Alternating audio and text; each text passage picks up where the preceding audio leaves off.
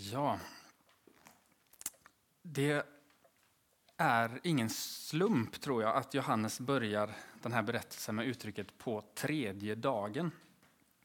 Eh, det är bröllopsfest, en återkommande symbolbild för den upprättade himmelska världen hos Gud. Och Jesu uppståndelse på tredje dagen är ju inbjudan för oss alla till den stora bröllopsfesten. En annan symbolik med just tredje dagen är att Johannes har nämnt fyra dagar innan. Så att då blir ju tredje dagen plus de fyra den sjunde dagen, alltså sabbaten, vilan eller också glädjen, friden, festen. Så det är samma sak där. Det pekar fram mot den evighet som vi är kallade till. Men så finns det ytterligare djup i det här med tredje dagen. Och det, det är faktiskt så med särskilt Johannesevangeliet att det är så mycket symbolik och en mening kan ha flera olika betydelser. I judisk kultur så var tisdagen den tredje dagen i veckan. Det blir det för att de räknar ju söndagen som första. Söndagen är ju dagen efter sabbaten. Den tredje dagen var och är faktiskt än idag den vanligaste bröllopsdagen, vigseldagen. Eh, och det kan man ju undra, varför väljer man att ha det på en tisdag? Eh, och då är det faktiskt så att i skapelseberättelsen så är den tredje dagen den enda dagen som Gud säger två gånger att det var gott. Och då menar rabbiner att därför är den dagen dubbelt välsignad att gå in i någonting nytt. Och inte minst då ett bröllop där två parter kommer samman och blir ett. Gud säger två gånger samma sak, det är gott. Två blir ett. Men på bröllopet i Kana så skedde då någonting genant. Något som inte var tov, som bra gott heter på hebreiska. Vinet tog slut. Och det var säkert skamligt för de som var värdar för festen att det här skedde. Och att det dessutom skedde redan första dagen för att i judisk kultur så firade man flera dagar. Man, tisdagen var första dagen så kanske man höll på ända till sabbaten och firade med olika, på olika sätt det här. Så kanske avslöjades deras fattigdom i detta. De kanske hade beräknat tajt och hoppats på det bästa. Men så dräller Jesus in med sina lärjungar och så alltså, blev det många fler. Men det var betydligt värre än så här. Vi har svårt att förstå det här. Varför var det så farligt att vinet tog slut? Man kan väl dricka annat. Men vinet har en väldigt stark och central eh, betydelse för hela bröllopsceremonin. Flera gånger så höjer man en bägare med vin och eh, uttalar välsignelser. Och, och finns det inget vin så går det inte att göra de här sakerna. Sen fanns det också juridiska aspekter i detta. I bindande kontrakt som man skrev vid trolovning så specificerades olika åtaganden kring vigseln, bland annat vintillgångar och vem som står för vad och så. Och sådana konsekvenser av att det här inte uppfylls kunde då bli eh, ja, juridiska Eh, straff kring detta eller så. Uppgörelser. Så det är i alla fall det, det är en ganska så allvarlig situation. Och Maria känner med de här och kommer då till Jesus och säger lite diskret, de har inget vin. Och då känns kanske Jesus svar lite hårt. Låt mig vara kvinna, min stund har ännu inte kommit. Det får bli en cliffhanger där, ska jag dricka lite vatten. Får se om det blir vin.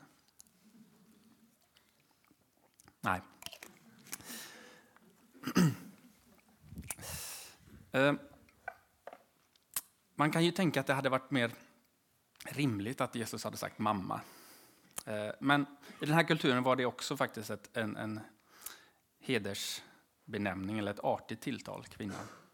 Men jag nämnde det här med eh, symbolik i Johannesevangeliet. Och jag tror att vi ska komma ihåg att Johannes börjar sitt evangelium på ett ganska speciellt sätt.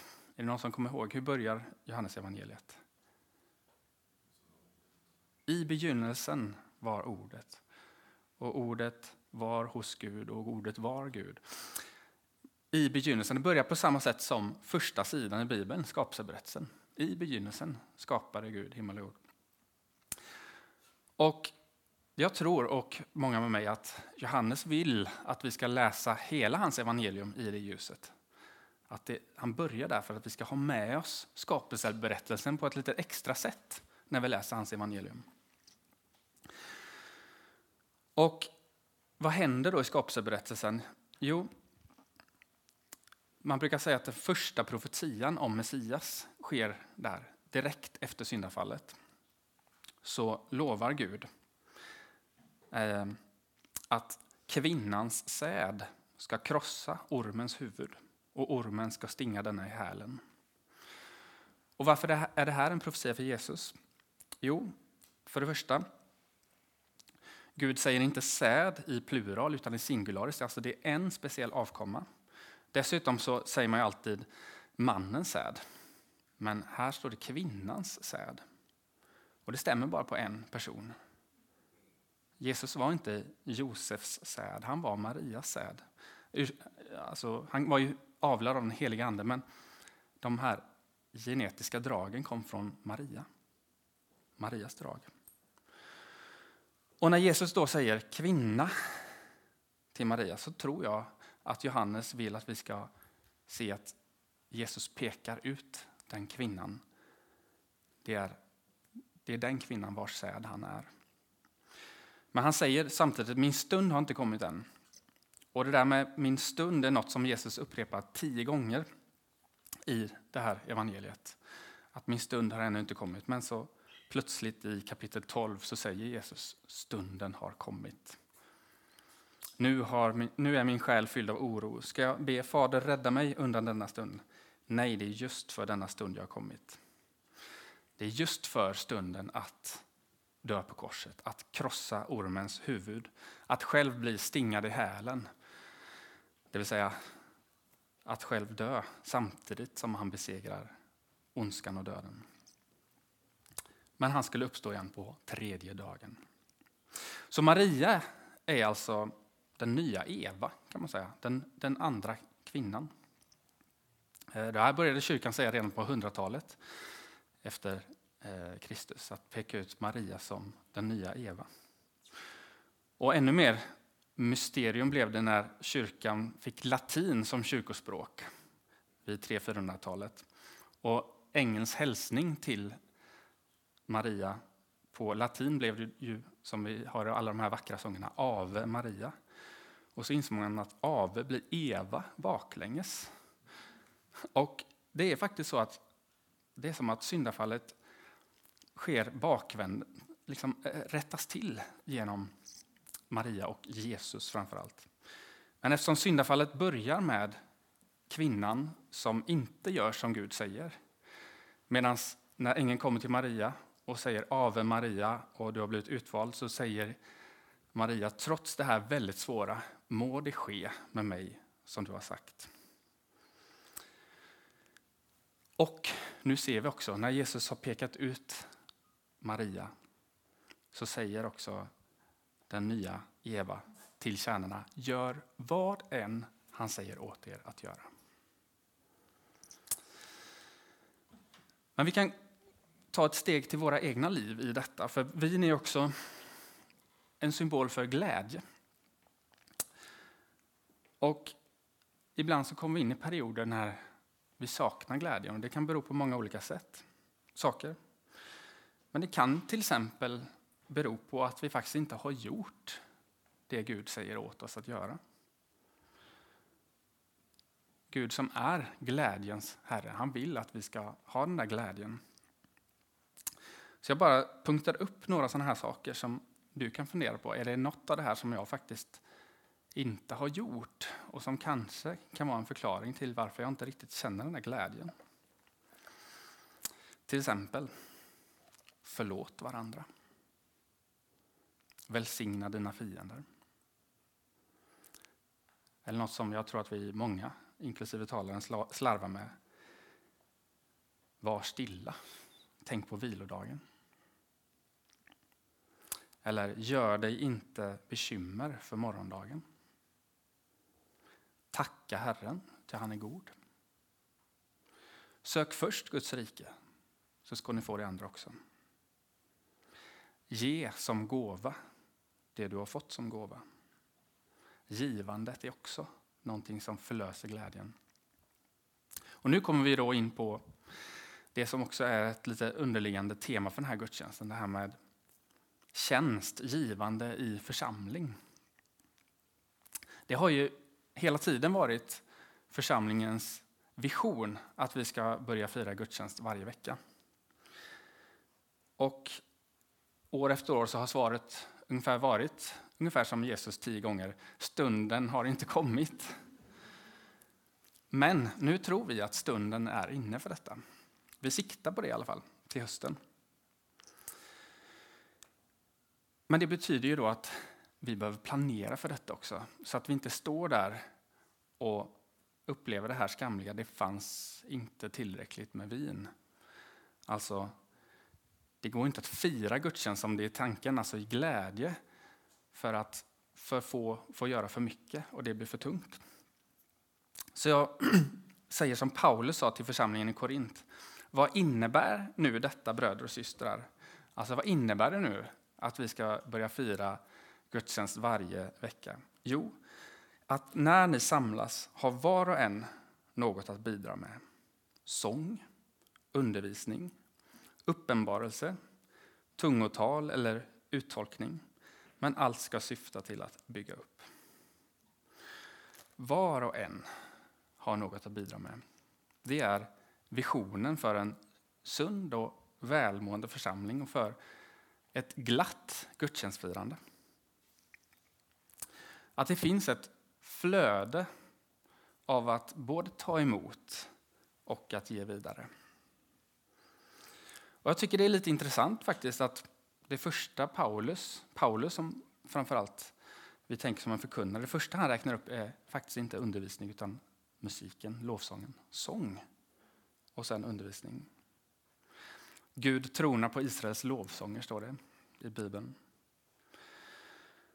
Det står det i Psaltaren 22 som faktiskt är just den psalm som Jesus citerar på korset när han krossar ormens huvud. Som börjar med Min Gud, min Gud, varför har du övergivit mig?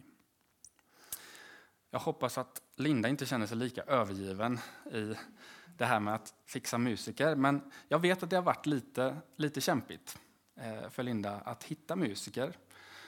Och nu firar vi varannan vecka. Till hösten kommer vi fira varje vecka. Och jag tror att det har sina naturliga förklaringar. Det har varit en pandemi där vi eh, under lång tid inte kunde fira. Och naturligt så droppade musiker av på olika sätt. Man tappade kontakten. Sen hade vi en, en musiker som fick allvarlig tinnitus och därför behövde vi skala av. Så det har varit liksom en lång period där musiker inte på samma sätt har fått frågan. Men nu är det väldigt viktigt att, att vi eh, tillsammans rustar upp i detta. Så jag vill skicka med det här till er att be för, men också att fundera på, ska jag kanske gå in i detta? Eh, eller känner jag någon som jag ska fråga, uppmuntra? Ett annat område som också, där vi känner att det är redan lite för lite vin, det är det här med barn och familj, söndagsäventyr. Eh, och det har varit visionen också för, för församlingen från start, barn och familj. Eh, också väldigt viktigt att vi eh, rustar upp här som församling inför hösten. Och jag vill bara för att inspirera faktiskt påminna om att Jesus blev förargad. Det är inte så många gånger han blir förargad, men han blev förargad när lärjungarna förde undan barnen Eh, när han stod och undervisade. Nej, låt barnen komma till mig. Och vid flera tillfällen så är det just ett barn som Jesus tar fram för att, liksom, när han ska lära sina lärjungar någonting. Som den typiska mottagaren av Guds rike. Du måste bli som det här barnet. Eller allt vad ni har gjort för dessa mina minsta, det har ni gjort för mig. Så det är ett speciellt sätt faktiskt att, att tjäna eh, Eh, barnen i Guds rike. Lär den unge vid den väg han ska vandra så vi kan inte av från den när han blir äldre. Så jag bara kastar ut de här två områdena nu och önskar att ni ber och eh, funderar på, ska jag gå in i detta? Okej, okay. tillbaka till predikan, texten. Gör vad än han säger åt er att göra. Och tjänarna gör så, de går till Jesus. Och så hade man kunnat tänka sig att Jesus hade sagt då, gå till torget, gör en beställning på 50 liter till och be att få betala i efterhand. Eller något så här praktiskt. Liksom. Men så står Jesus och tittar på sex stora kärl, krukor. Och så säger han till tjänarna, fyll dem med vatten. Okej. Okay. Eh, jag undrar vad tjänarna tänkte. Om de frågade eller om de bara gjorde som han sa. Och samtidigt så kanske de funderade medan de fyllde 600 liter vatten utan kran. Jag vet inte, det tog nog sin tid. Vad ska han göra? Så efter en stund så, så säger de till Jesus, nu är vi klara, vad ska du ha vattnet till? Och då säger Jesus, ös upp och ge till bröllopsvärden. Jag kan bara föreställa mig hur de liksom tittar på varandra och skojar han? Är han seriös? Eh, och, och, kanske börjar tänka på konsekvenser. Vad, vad kommer hända med mig? Kommer jag bli straffad? Utskälld? Få stryk? Bli av med jobbet? Jag vet egentligen inte vad som är det största undret i den här berättelsen. Om det är att Jesus gör vatten till vin eller att det står som det gör. Och de gjorde så. Det står inte när vattnet blir vin, men så som det står så föreställer jag mig att det är först någonstans där när bröllopsvärden ska smaka på det. I alla fall så tror jag att det sker någonstans på vägen, men att de faktiskt började gå i tro, i lydnad. Det som däremot står är hur otroligt överraskad bröllopsvärden blir av smaken på det här vinet. Och hur, vilken fest det blir. Men jag är övertygad om att de här tjänarna var de allra gladaste på den festen. Den där lilla lydnadshandlingen räddade festen. Förgyllde festen. Det är en speciell glädje att få vara med och tjäna. Och särskilt när man gör det där lilla och märker hur Gud gör vin av vatten. Vi kan liksom aldrig räkna ut när det där sker, men Gud är sån att han välsignar det vi gör i tro, i lydnad. Och faktiskt så är kärlek ofta kopplat till lydnad snarare än känslor i, i Bibeln. Om ni älskar mig kommer ni att hålla mina bud, säger Jesus. Bara lite avslutande tankar kring de där sex krukorna. Talet sex står för ofullbordat. Och här kopplas det till de här judiska reningsceremonierna. Sex krukor som judarna hade till reningsceremonier. Deras renhet genom prestationer är ofullkomlig. Men Jesus kommer för att fullborda det ofullbordade. Och de här reningsceremonierna pekar ju fram mot den rening som bara Jesus kan ge. De här, det här vattnet rengjorde på utsidan, men Jesus förvandlar det till vin, symbol för hans blod som vi ska dricka och som han renar oss på insidan. Sen tänker jag också att en kruka hade räckt mer än nog. Jesus hade kunnat säga fyll en av krukorna. Men han säger fyll alla sex krukor. Och jag tänker det är också en bild för Guds översvallande kärlek. Hans översvallande nåd. Och Jag tycker också att man någonstans i detta ser att Gud vill ha fler till festen. Fler som han och lärjungarna som bara drölar, drösar in där på festen. Det är som att han säger, som han säger vid en annan gång, gå ut och bjud in alla ni ser. Lama, lytta.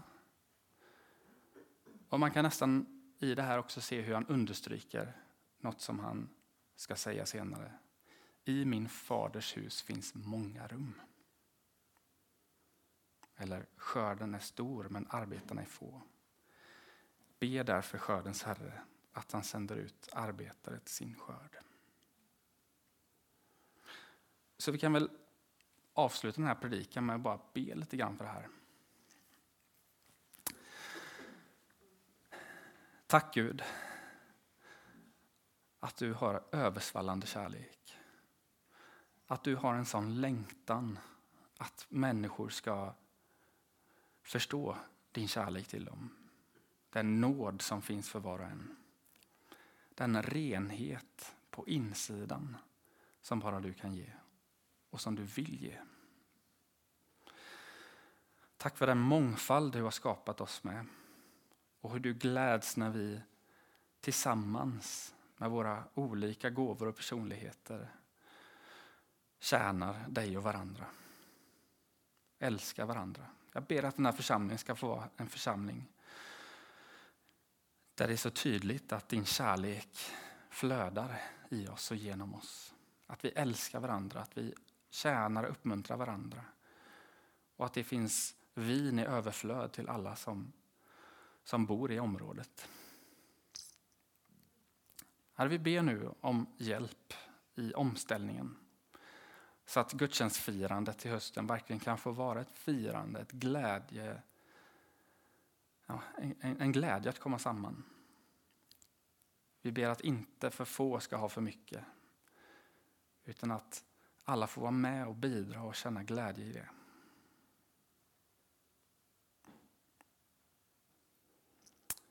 I Jesu namn. Amen. Nu ska vi få lyssna till en sång.